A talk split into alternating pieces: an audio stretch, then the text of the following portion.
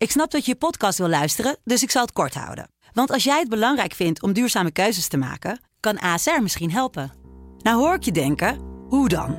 Nou, bijvoorbeeld bij het duurzaam herstellen van schade. Of de premies die we beleggen volgens ons duurzaam beleggingsbeleid. Dat bepaalt waar we wel en juist niet in investeren. Wil je meer weten over welke duurzame keuzes ASR maakt? Ga dan naar asr.nl slash duurzame keuzes. ASR doet het. Zo, dan kan je nu lekker naar je podcast luisteren. Dit is Kwestie van Centen, een podcast van de Financiële Telegraaf. Met Martin Visser en Herman Stam. Nou, wel een heel uh, actuele podcast, uh, Martin. We maken een soort radio, hè? want we komen hard Holland dit podcasthok uh, ingerend. Inderdaad, ja. Vers nieuws. We zaten er de hele tijd al op te wachten. Wat gaat het nou worden met de FNV? Zeggen ze ja of nee tegen dat pensioenakkoord? En ze zeggen een beetje half zo van, nou, uitstel twee weken. Ja, ja het was heel spannend deze ochtend. Want ik dacht van, nou, dat zal met een sister aflopen. Na heel veel gedoe en spanning opbouwen, zullen ze wel in meerderheid toch ja zeggen. Maar uh, nee, daar hebben, uh, daar hebben vrij veel uh, FNV-leden in het parlement flink zitten saboteren. Ja. Heb je nou spijt van je? Ik zag wat tweets gisteren al van je verschijnen over van, ah, dat wordt allemaal niet zo spannend. dat, daar moeten ze gewoon ja op zeggen en dan kan Wouter Koolmeester dat akkoord presenteren. Nou, zo ging het even niet. Nee, zo ging het helemaal niet. Nou, spijt, spijt. Ach, nee, ik heb ook mijn column in de krant ging ervan uit dat het allemaal... Vorige week klopte de column wel. Uh, en toen was, uh, toen, toen, toen was de column van, nou, er komt gewoon een pensioenakkoord. Uh, en aan het eind van de rit van, we moeten nog wat dingetjes uitwerken. Dus de uitwerking moet uitgewerkt worden. Nou, dat, dat kan je wel zeggen, ja. En nee, dit had ik niet helemaal, niet helemaal voorzien. Maar het was mm. moeilijk in te schatten wat het zagrijn precies bij de, bij de FNV zou zijn. Nou, dat zagrijn, dat zit dus heel diep. Ja, gaan we het zo uitgebreid over hebben. Uh, ook wel leuk denk ik voor de luisteraars hoe zo'n dag dan gaat. Hè. We zijn hier allebei op de redactievloer en uh, we horen geluiden uit Breukelen. De, de, de lokale Van der Valk waar uh, wat ja. mensen van de FNV bij elkaar zijn. Om elektronisch of digitaal te stemmen. En ook wel geestig dat onze verslaggever Joost Spijker daar meteen heen gereden is om daar uh, bovenop het nieuws te zitten. En dat was één grote chaos daar, uh, geloof ik. Ja, precies. Want in de ochtend kwamen al, uh, kreeg ik al wat appjes binnen dat het allemaal niet goed liep. Ik wist dat ze van tien tot half één zouden vergaderen. En om één uur uiterlijk moest er een sms'je van voorzitter Han Busken naar Wouter Koolmees, die in de ministerraad zat. Want de planning was heel strak. Deze, deze stemming had eigenlijk al eerder in de week plaats moeten vinden. Maar vanwege alle, alle interne gedoe was al een soort geste richting deze leden van nou jullie krijgen wat extra tijd om erover na te denken. Dus werd het uiteindelijk vrijdagochtend heel strak op de planning van Koolmees. Uh, en inderdaad, in, in de ochtend kwamen al, uh, kreeg ik al wat berichten van, van contacten die, die aangesloten waren bij de digitale vergadering. En toen werd al duidelijk van, ah, er zitten een aantal, een, een, aantal mensen in Breukelen bij een Van de Valk. Die zitten digitaal. Het, was een, het is een online vergadering, mm -hmm. zoals er heel, heel veel online vergaderingen nu zijn. Uh, dus sommige mensen zitten gewoon, zaten gewoon thuis van achter hun beeldschermen te kijken. Maar ja, er is gewoon flink verzet in het ledenparlement. Het telt 105 mensen. Achteraf bleek dat ongeveer 35 mensen in Breukelen zaten. En die wilden fysiek bij elkaar komen. Want hun grote bezwaar tegen zo'n digitale vergadering is dat het nou, veel last, dat geeft, komt sowieso allemaal met hiccups. Er waren veel technische problemen aanvankelijk ook. Mensen hadden niet de goede spullen of konden niet inloggen of wat dan ook. Uh, dat speelde eerder, uh, eerder in de week uh, al. En er was toch een angst van ja, zo, zo kan het bestuur veel makkelijker zo'n deal er doorheen drukken. Ja, het is ook veel moeilijker oppositie voeren of kritische vragen stellen. Mm. Hoe kunnen we nou goed reageren? Kunnen we wel schorsen en dan met, met gelijk de gestemden eens even overleggen? Uh, dus, uh, maar goed, 35 leden besloten dus, nou wij gaan fysiek dan bij de Van der Valk zitten. Mm -hmm. En de bestuur zat uh, in Utrecht, dat is daar langs de, de snelweg, dus zo'n zo glazen gebouw, een facet. Mocht dat eigenlijk wel, dat ze met zoveel bij elkaar zaten? Van der Valk was juist ja, vorige week in het nieuws dat ze daar een feestje hadden gegeven, toch? Ja. Dat het niet helemaal in orde ja, nou, ik weet niet of ze in dit geval ook een, een Polonaise hebben gelopen, maar voor mij was de grens 30. Nou, in de horeca uh, als je die anderhalve meter hanteert, 30 is inderdaad wel de grens. Dus maar blijkbaar -hmm. zaten ze met 35, misschien zaten er een paar buiten. Maar, mm -hmm. uh, maar het geeft dan ongeveer aan, het was dus niet de helft, maar een, een, een, een forse minderheid. Maar daarnaast waren er meer dan genoeg andere leden van het ledenparlement, dat is, want dat is het verhaal, die niet ingelogd hadden. Uh, om ervoor te zorgen dat het quorum niet werd gehaald. Nou, dat is bij heel veel, nou, dat ken je ook misschien van de voetbalvereniging, of van de VVE of, of welke supergezellige vergadering dan ook. Uh, dat hoort allemaal bij de procedures in de statuten. Je moet minstens het quorum halen om een rechtsgeldige vergadering uit te kunnen schrijven. En het quorum bij de FNV-ledenparlement is de helft plus één. Mm -hmm. Dus ja, van, uh, van de 105 moet je dus, uh, dus ja, ruim boven de 50 zitten. Nou, en het, het, is, is deze 35 leden plus een aantal andere mensen dus gelukt om het quorum niet te laten bereiken. Door gewoon toch niet in te loggen. En mijn eerste berichten die ik binnenkreeg, en zo begon ik in de WhatsApp, was een er zijn technische storingen bij de Van der mhm. Valk en Breukelen. Toen ja. zei ik, ah, er is gesodemieter. En B, er zit dus een groep blijkbaar fysiek bij elkaar in de Van der Valk. Mhm. Han Busker, eh naar de Van der Valk gereden. Vanaf Ehm, het hoofdkantoor bij de vanaf het hoofdkantoor. ja. Dus ik heb nog een woordvoerder van, nou gaat, gaat Busker dan de wifi aanzetten? Wat Ja. gaat hij dat doen? Maar gaandeweg de ochtend werd duidelijk van er zijn geen wifi-problemen. Er zijn mensen die zitten daar bij elkaar en die log- loggen bewust niet in, Ja. zodat er gewoon geen stemming kan plaatsvinden. En Nou, wie dat- zijn die mensen? Ja, eh, eh, eh, uiteenlopend. Ik weet Ja. vanuit, vanuit er zitten mensen vanuit de diensten, vanuit de industrie. eh, ehm, het, is, het is heel gemêleerd. Het is niet Hmm. zo dat, dat in het ledenparlement een heel duidelijk georganiseerd verzet is. Daardoor was het de afgelopen week, vond ik het ook wel moeilijk om goed zicht te hebben op wat gebeurt daar precies. En gaat het zagarijn over het pensioenakkoord zelf, over de inhoud? Of gaat het over de procedure? Of gaat het over heel andere dingen? Nou, Mhm. mijn indruk is het gaat eigenlijk over alle drie. Het gaat in ieder geval ook over het pensioenakkoord en de vaagheid en onduidelijkheid daarover. Ja, want eh, normaal, hè, ik ben ook wel eens bij, die, eh, bij dit soort vergaderingen geweest. Dan heb je natuurlijk een paar, nou, ik wil niet zeggen oproeikraaiers, maar mensen die eh, graag het woord nemen. Dat is meestal Ja. een beetje het gestaalde kader, noemen ze dat. Er zijn dat ook dat soort figuren die je nu op je netvlies hebt, die ook gewoon graag bij zo'n vergadering willen vertellen van, joh, luister leden, we willen nog dit punt graag maken. Ja, En zich zeker. niet genoeg gehoord voelen. Zeker ook. Ja. En wat, wat vaak zo is, en daar gokte het FNV-bestuur nu op, is dat het gestaalde kader heel veel lawaai maakt, maar uiteindelijk toch een minderheid blijkt te zijn. Dat is voor, voor ons journalisten altijd heel riskant. Ik bedoel, je Mhm. krijgt er hele sappige voorverhalen door. Maar soms kan het ook gebeuren dat je daardoor de stemming ook wel ehm, niet goed vangt, zeg maar. Dat is altijd een valkuil, omdat de mensen die, eh, die tegen zijn het meeste lawaai maken. Maar mijn indruk is dat het toch wel breder is dan, dan alleen maar dat hoor. Uiteindelijk is er een, is er een verklaring uitgekomen van die, die, die, die, ja, die verzetsgroep, of weet ik hoe ze moet noemen. Verzetsgroep klinkt een beetje raar. Mhm. Maar eh, een, een, een, een groot deel van het hele parlement dat zich om procedurele redenen hier tegen verzetten.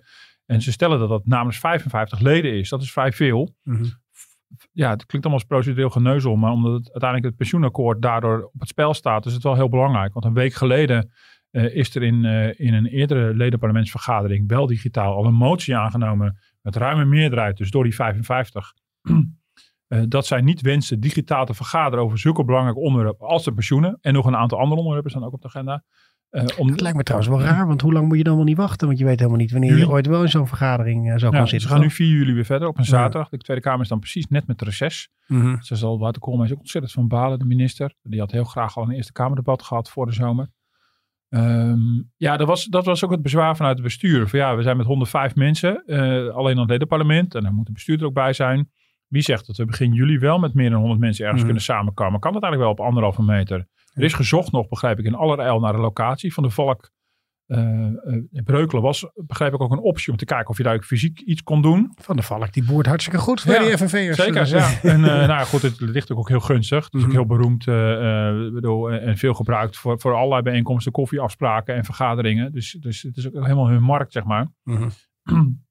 En ehm, dus het, het is ook echt gekeken van kan het misschien toch alsnog fysiek. Nou, uiteindelijk heeft dus deze ja, protesterende club heeft, eh, heeft er gebruik van gemaakt. En nu gaan ze, ik weet niet precies hoe, maar 4 juli gaan ze nog eh, eh, stemmen. In, Ja. in, eh, is het twee weken uitgesteld. Ja, hoe kan het? Want je hebt natuurlijk meer bonden dan de FNV.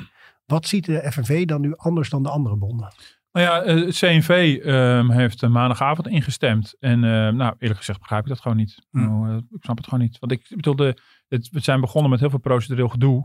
Maar eh, wat er op spel staat, eh, dat, dat, A, dat pensioen, dat gaat echt om iets. Het gaat om het portemonnee van miljoenen mensen. En ja, eh, wat gewoon echt heel raar is aan deze gang van zaken, is dat vorige week vrijdagavond is er een akkoord gesloten. En er wordt gewoon bijna niks over bekendgemaakt. Mhm. Dus hoe kun je als achterban nou instemmen met iets waarvan je de finesses helemaal niet kan doorzien? Ja, je had die beruchte vijf kantjes hè, waar je over schreef. Waar Ja. dan, Ja, de, aanvankelijk op vrijdagavond zelf eh, was er een hele nikszeggende persmoment georganiseerd. Of het was niet, niet georganiseerd, die ontstond gewoon omdat er gewoon heel veel journalisten waren.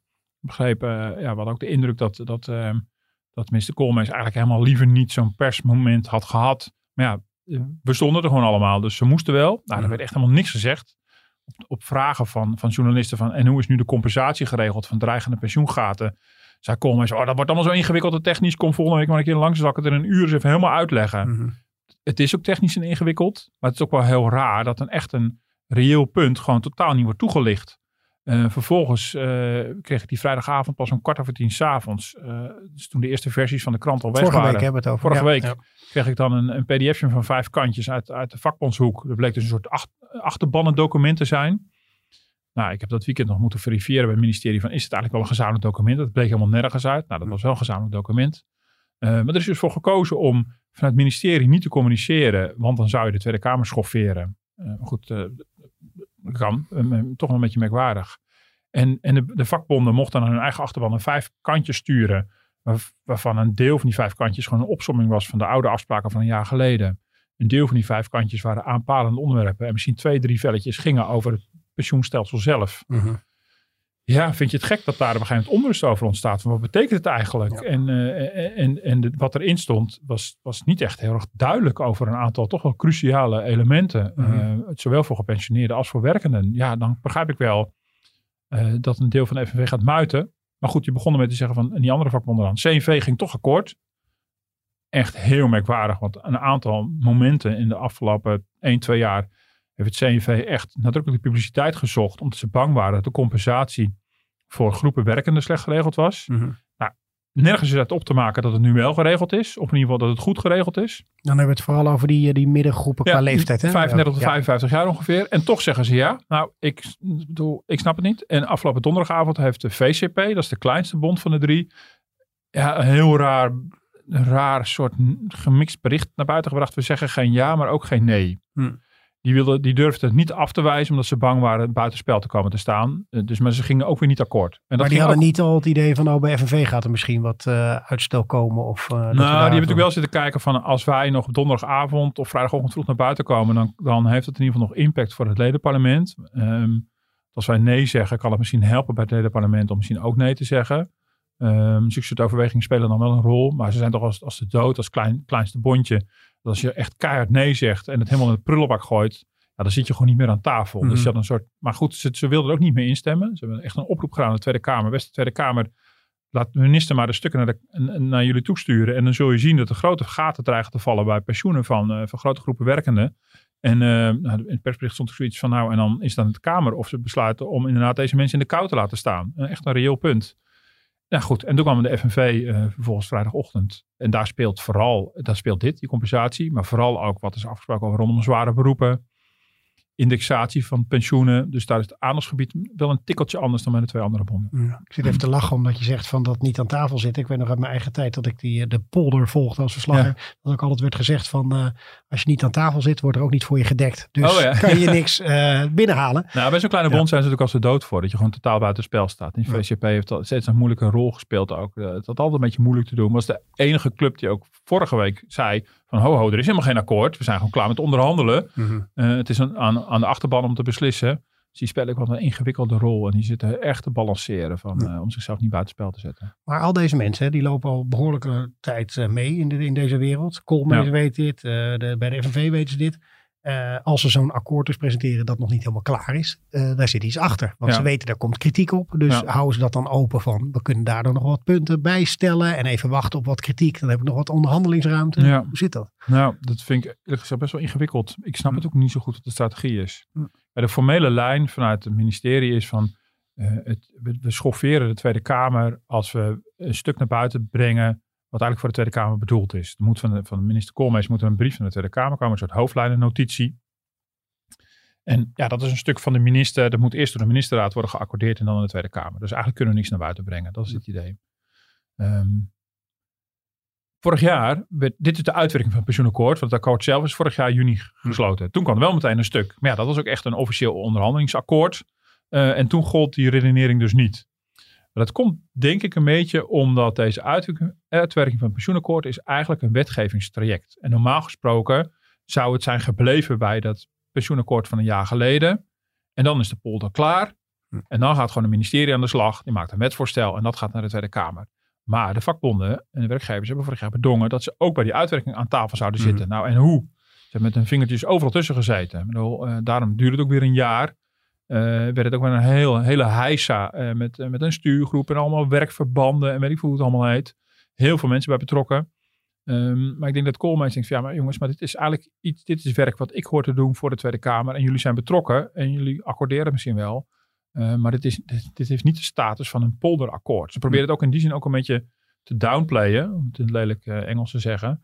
Eh, het niet groter te maken dan het is. Ja, het is niet echt een akkoord, het is maar een uitwerking. Hm. Maar ja, bij, bij een onderwerp als pensioen, overigens bij veel politieke onderwerpen, zit het, zit het devil in de detail.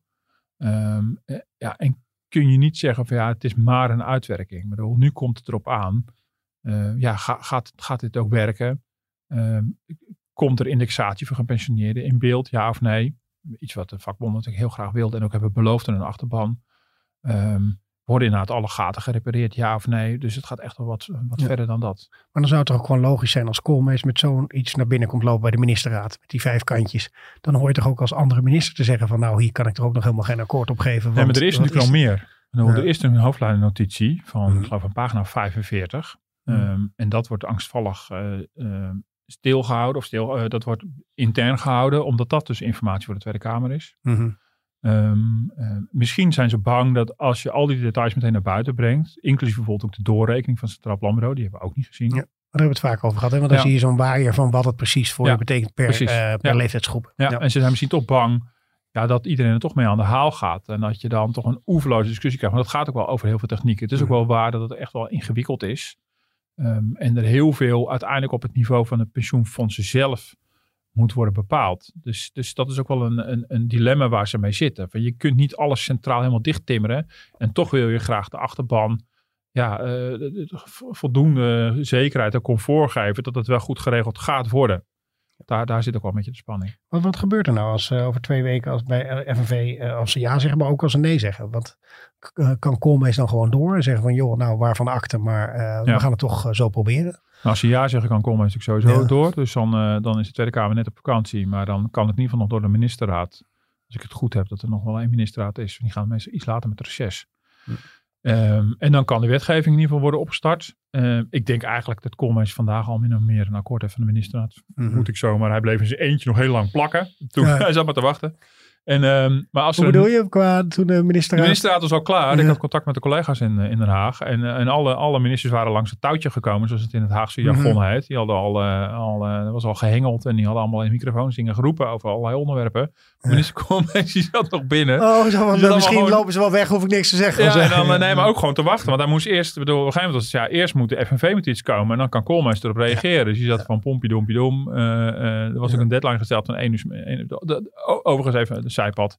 Dat vond zo'n ledenparlement ook super irritant. Van, waarom? Zo'n belangrijk onderwerp. Je doet er een jaar over het uit te Nou, werken. eigenlijk al tien jaar zijn we hiermee Eh, bezig. eh, misschien. Zeker 10, 12 jaar over het hele onderwerp. En een jaar sinds het akkoord om het uit te werken. En dan moet er op, op stel een sprong. Moet er Mhm. voor vrijdagmiddag 1 uur. Moet er een sms'je uitgaan van onze voorzitter naar de minister. Want dan kan die verder. Ja, Ja. zeg, hallo. Ja. En dat snap ik eigenlijk wel een beetje. Dat je denkt, van, kom op zeg. Hoezo werkt het niet? En als dan de verhoudingen intern al niet zo lekker liggen. Mhm. Dan denken die FNV'ers ook van ja, zak er maar in. Eh, we doen het gewoon op ons eigen tempo. Maar goed, Ja. als er een nee komt, dan eh, zou Koolmees in theorie verder kunnen, maar in de praktijk niet.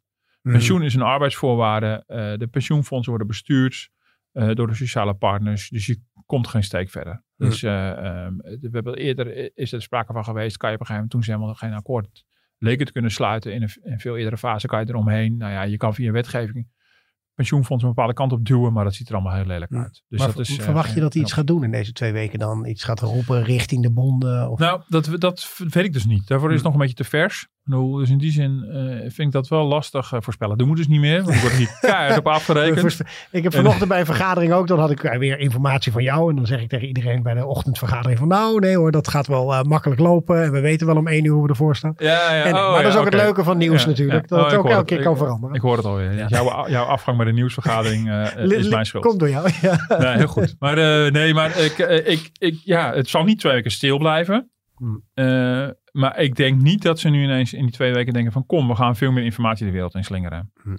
Dat denk ik eigenlijk niet. Ehm, eh, en ik, ik ben er ook nog niet van overtuigd dat die meerderheid die nu tegen deze gang van zaken ook automatisch dezelfde meerderheid is die ook tegen het pensioenakkoord zelf zal zijn. Dat Mhm. betwijfel ik een beetje.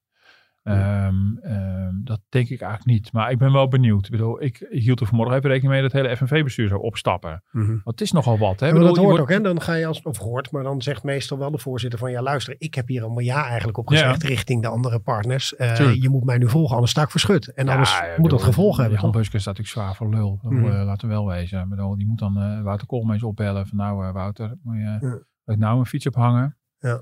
Ja, dat is natuurlijk verschrikkelijk. Het is gewoon een totale inschattingsfout van het FNV-bestuur geweest. Ik denk ook Koolmees zelf aan te rekenen met deze met rare strategie qua informatievoorziening. Mhm. Uh, Koolmees wil het echt een beetje bij de FNV houden als een intern probleem.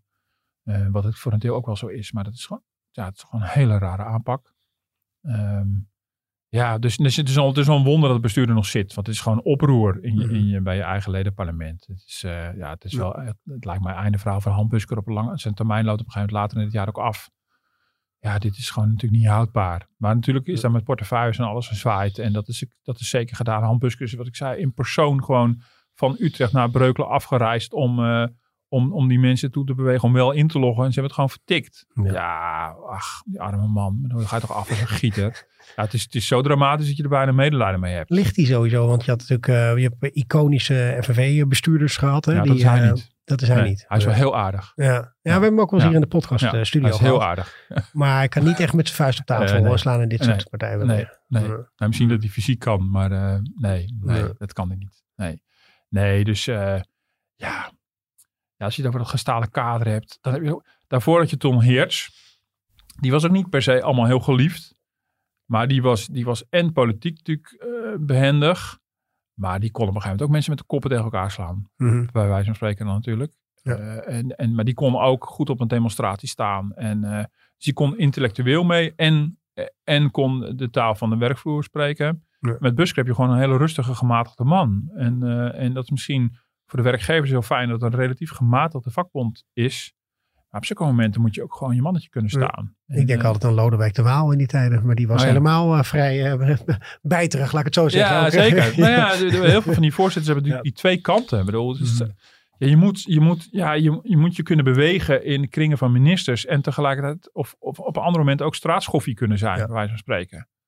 Ehm, dat klinkt een beetje negatief, richting, misschien richting de leden van de FNV. Ik bedoel, ik bedoel niet negatief, maar gewoon, je moet gewoon de taal van de, van de, van de werkvloer spreken. Mhm. En je moet daarin mee kunnen komen. En, eh, ja, en zeker met dit dossier, het is natuurlijk zo ingewikkeld. En bij waren natuurlijk abracadabra. Mensen hebben, zijn natuurlijk zijn ongerust en zijn misschien ook wel wantrouwend. Ik merk het aan mezelf ook. Ik denk van nou, het zal mij benieuwen of, of die vakbonden voor ons nou wel het beste eruit slepen. Je hebt heel veel wantrouwen. Ja, want dat wilde ik ook aan je vragen. Van hoe terecht vind je het eigenlijk? Want uiteindelijk komt het nu op een heel eh, klein clubje personen aan in Nederland. Ja. Voor iets wat heel belangrijk is voor heel Nederland. Hoe dit pensioenstelsel eruit Ja. gaat zien. Nou, is Vind je dat het wel zo- terecht dat zij dat eigenlijk in handen hebben? Nou, dat is natuurlijk eigenlijk wel heel raar. Maar ehm, ehm, eh, het is natuurlijk wel weer zo dat een, een jaar geleden werd het echt officiële pensioenakkoord gesloten. En toen mochten alle FNV-leden stemmen. Nou, Mhm. dat zijn er bijna een miljoen.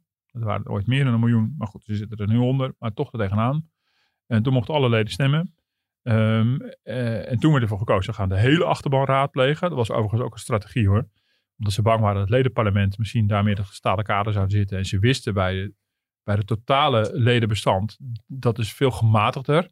Dus dan is de kans van slagen groter. Nou, toen bleek... Moest je een mailtje sturen of zo, toch? Wat was ja, het ook weer? Ja, ja. ja. En het ging wel digitaal. Uit mijn hoofd was drie kwart of zo was voor uiteindelijk. Mhm. Het was een glorieuze overwinning. En toen hebben we ook van tevoren al gezegd, hoe spannend, spannend, spannend. En dat toen... eh. Ehm, maar ja, toen was wel raar. Dat noemden we een pensioenakkoord. Maar het was ook een AOW-akkoord. Het was heel concreet over AOW. En over pensioenen stonden natuurlijk wel wat algemene kaders en wat denkrichtingen. Ja. Maar het echte werk is nu het afgelopen Van de jaar AOW gedaan. betekent het vooral dat de AOW-leeftijd minder snel omhoog ging. Ja. Dat, en daar wilden Ja. mensen natuurlijk wel mee instemmen. We dachten, nou, dat is Zeker de achterban van de FNV. Ja. En ehm, eh, ja, en dat was, dat was toen al een akkoord dat, dat gewoon heel veel onduidelijkheid bleef houden over wat het echt voor de pensioenen gaat betekenen. En dat blijkt nu met de uitwerking ook. Ja. Maar het is, voelt dus nu heel raar vind ik wel hoor, erover. En over richting Koolmees en richting FNV. Dat het ook gewoon echt eh, stuurfouten zijn geweest eigenlijk. Die hier Ja, zo schat ik het in. Bedoel, Ja. En zeker ook, ik bedoel, als je nu, kijk, ehm, gepensioneerden willen graag snel zicht op indexatie. Nou, ik, ik zit wat conservatief hier in de wedstrijd eh, en ik begrijp de, de, de, wens van de gepensioneerden ongelooflijk goed. Er zijn mensen die hebben pensioenachterstand van 15 tot 20 procent, doordat er jaar op jaar niet geïndexeerd is. De prijzen stijgen wel, maar de pensioenen niet. Dus ik begrijp dat je dat heel graag wil. Ik zie die mogelijkheid voorlopig niet.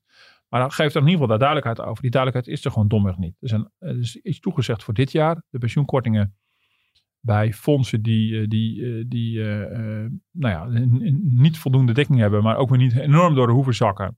Die, die hoeven dit jaar niet te korten. Dat is allemaal nog geen gelopen race voor de, voor de ABP en, en, en de zorgfondsen en zo. Maar goed, dus dat is duidelijk. Maar het, het gaat nu bijvoorbeeld over het overgangsregime. Wat gebeurt er in die periode tot aan 2026 als alle pensioenfondsen over moeten? Dat weten we niet. Er zijn geen afspraken over gemaakt. Dat is allemaal nog onzeker. En er wordt geschermd met de corona-onzekerheid. Maar dat vind ik eerlijk gezegd flauwekul. Want je moet natuurlijk gewoon de kaders bepalen. Je moet gewoon zeggen, welke parameters gelden, welke regels gelden. En ja, de, de coronacrisis is een soort uitkomst van die regeltjes. Bedoel, Mhm. gewoon, het moet gewoon een toezichtskader zijn. Dat is niet besproken. Dus dat is in ieder geval eh, wel besproken, maar daar zijn ze niet uitgekomen, blijkbaar, vooralsnog. Dus dat, wordt allemaal, dat is de uitwerking van de uitwerking. Dat is een heel reëel punt voor gepensioneerden. Overigens ook voor werkenden, want hoe meer je uitdeelt aan gepensioneerden, hoe minder er overblijft voor de Mhm. anderen. Een ander aspect wat jou en mij natuurlijk meer raakt, is hoe gaat het met die werkenden? Mensen tussen de 35 en 55. Nou, jij bent net 35. Dus, eh, Dat- dus dat raakt jou ook nog Dat net. kan niemand mijn oude hoofd zien, dus dat geloven ze meteen. Nee, maar ehm, eh, eh, ja, daar- ligt echt gewoon een groot probleem. Bij de grote fondsen is, dat, is het voor een deel op te lossen, omdat met de hele stelselherziening er, die hele vermogens en, en de pensioenaanspraken anders berekend gaan worden. Er kan een enorme schuif, sch- schuifoperatie, een tovertruc plaatsvinden, herverdeling van, van, van fondsen. Nou, er staan wat vage zinnen in het stuk. Nou, dat blijkt allemaal wel goed uit te pakken, is, is, eh, is de boodschap. En als het niet goed uitpakt, regelen we dat adequaat. Hmm. Nou, dan moet je dus iedereen op zijn blauwe ogen geloven dat het ook wordt opgelost. Maar dan heb je ook nog een, een- de regeling voor nou, eh, meer dan een miljoen pensioendeelnemers die eh, voor een belangrijk deel bij verzekeraars zitten. En die een premieregeling hebben. En dat is namelijk, dat is eigenlijk al een nieuw modern pensioen. Die hebben al zo'n onzeker pensioen. Waarbij de inleg van de premie zeker is, maar de uitkomst van het pensioen onzeker. Dat is eigenlijk waar de hele sector naartoe moet. Dat heeft, dit deel van de pensioenwereld heeft dat dus al. En bij hun kan het- die toverdruk niet plaatsvinden. Mhm. Er is geen schuifoperatie mogelijk, want er zijn niet die bubbers en vermo- vermogens waarmee je kan schuiven. Dus, dus dat, die compensatie moet iemand gewoon betalen. Of de werkgevers via de premie, of de werknemers via versobering van het pensioen, of de overheid door geld voor te schieten. Niemand wilde dat betalen en dus is er geen compensatie geregeld. Mhm. En de oplossing is nu om met een, een gigantisch langdurende sterfhuisconstructie te werken. Dat te zeggen, nou, de overgang naar die nieuwe premiesystematiek die het gat veroorzaakt, die smeren we uit in de tijd. Alle bestaande gevallen blijven gewoon in het bestaande systeem en alle nieuwe gevallen gaan in het nieuwe systeem. Dan ontstaat er geen pensioenschade. Dat betekent dat het ongeveer 40 à 50 jaar duurt voordat dat kwijt zijn. Verzekeraars balen moet je twee systemen laten draaien, maar dat is een uitvoeringsprobleem. Het echte probleem is, als jij van baan wisselt, en dan, ga je van, dan was je een bestaande pensioendeelnemer en dan word je een nieuwe pensioendeelnemer. En dan treedt die schade alsnog op. Want dan ga je dus van het ene regime in het andere regime stappen. En dat kan afhankelijk van je leeftijd en van hoeveel pensioenopbouw je hebt gehad tot dan toe, kan het een pensioengat opleveren van misschien wel tientallen procenten. Dat is echt een reëel groot probleem. En de verdedigingslinie van de minister eh, schijnt te zijn, hoor ik via via, want dat heeft hij nog niet publiek gezegd, is ja, die mensen kiezen er zelf voor als ze van baan wisselen. Die kiezen er zelf voor dat ze een pensioengat oplopen. Dat moeten ze dan maar bij die nieuwe werkgever uit onderhandelen bij hun arbeidsvoorwaarden. Nou, dat is de manier waarop we dus de compensatie in Nederland hebben geregeld voor, nou, voor, ja, voor honderdduizenden mensen. Nou, dat je daar een punt van maakt, lijkt mij meer dan logisch. Ja, het spijt me verschrikkelijk, Mhm. maar eh, dat, ja, dat, dat, dat vind ik wel logisch om daar echt een issue van te maken. En dat wordt gewoon nu allemaal voor, aan voorbij gegaan. Eh, dat bleek niet uit die vijf pagina's van dat pdfje. Eh, dat, dat, dat, goed, dat hebben we zelf in de krant moeten optikken dat dit de consequentie is. En daar is gewoon geen oplossing voor. Het is zo jammer hè, dat we ook niet eh, minister Koolmees vandaag aan het woord horen. Want dat was eigenlijk de bedoeling. Hè, dat daarna dus Zeker. na die ministerraad, dat hij dan al die punten zou toelichten. Zeker, En dat zou allemaal dit soort vragen bij, eh, bij de talkshow zitten, eh, begreep ik al. Nou, dat zal Ja. ook allemaal niet doorgaan. Eh, Dus nee, dit, dit, eh, ja, dit wordt allemaal pas uitgelegd als de achterban ja heeft gezegd. En dat is, vind ik wel een rare gang van zaken. Bij de FNV zijn ze overigens heel open. Hè. Die Ture Elsinga, vicevoorzitter en hoofdonderhandelaar, heeft iedereen te woord gestaan. Ik Mhm. kon hem elk moment van de dag ook bellen om alles toe te lichten. Gewoon onder record citeerbaar. Dus in die zin was er wel openheid. Alleen we willen ook gewoon de stukken zien. Kijk, Ja. een meneer Elsinga kan het wel uitleggen.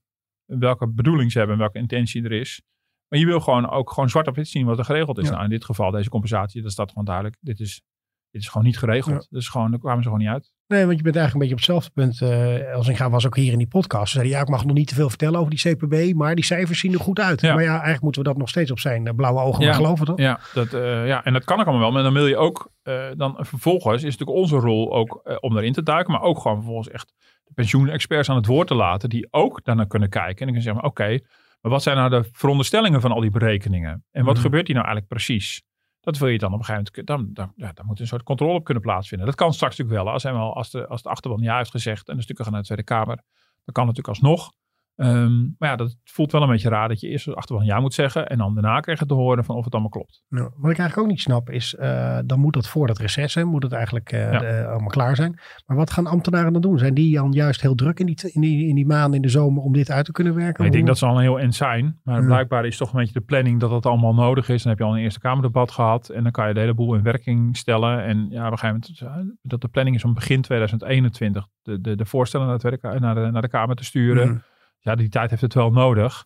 Ja, en uh, ja, blijkbaar is de inschatting dat als je, als je dat niet door de ministerraad kan loodsen voor de zomer en pas na de zomer doet, dat allemaal vertraging oploopt. Ja, ga je richting Prinsjesdag ja. en uh, voor je het weet zit je ja. allemaal in verkiezingsstand. Want ik kan me ook voorstellen dat die wetgeving alvast wel geschreven zou kunnen worden, eerlijk gezegd. Hoor. Maar goed, het wordt allemaal heel krap en dat begrijp ik wel. En Koolmees wil ook heel graag dat die stukken gewoon in de Kamer liggen en dan kan het volgende kabinet er gewoon zo oppakken. Ja, ik ga je niet om een uh, voorspelling vragen dit keer, want uh, we wachten gewoon dan maar uh, over twee weken af. En ik weet dat je op hete kolen zit, want je bent onderweg richting België voor een vriendenweekend. Die volgens mij vorig jaar ook al de mist in ging. Ik weet niet of dat door pensioenen was. Ja, nou, die maar... hele weekend ging de mist in. Maar ja, in dit vak ben je altijd degene die als laatste aangekakt komt. En ja. ik dacht het helemaal goed geregeld te hebben.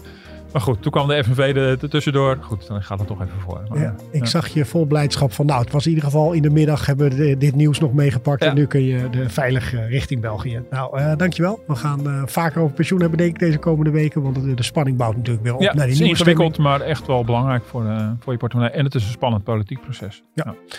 u kunt deze podcast beluisteren op iTunes en op Spotify. En ook mailen over vooral ook pensioenvragen die Martin dan misschien volgende week kan beantwoorden op podcast.dft.nl. Moet wel goed zeggen. Uh, tot volgende week. Tot volgende week.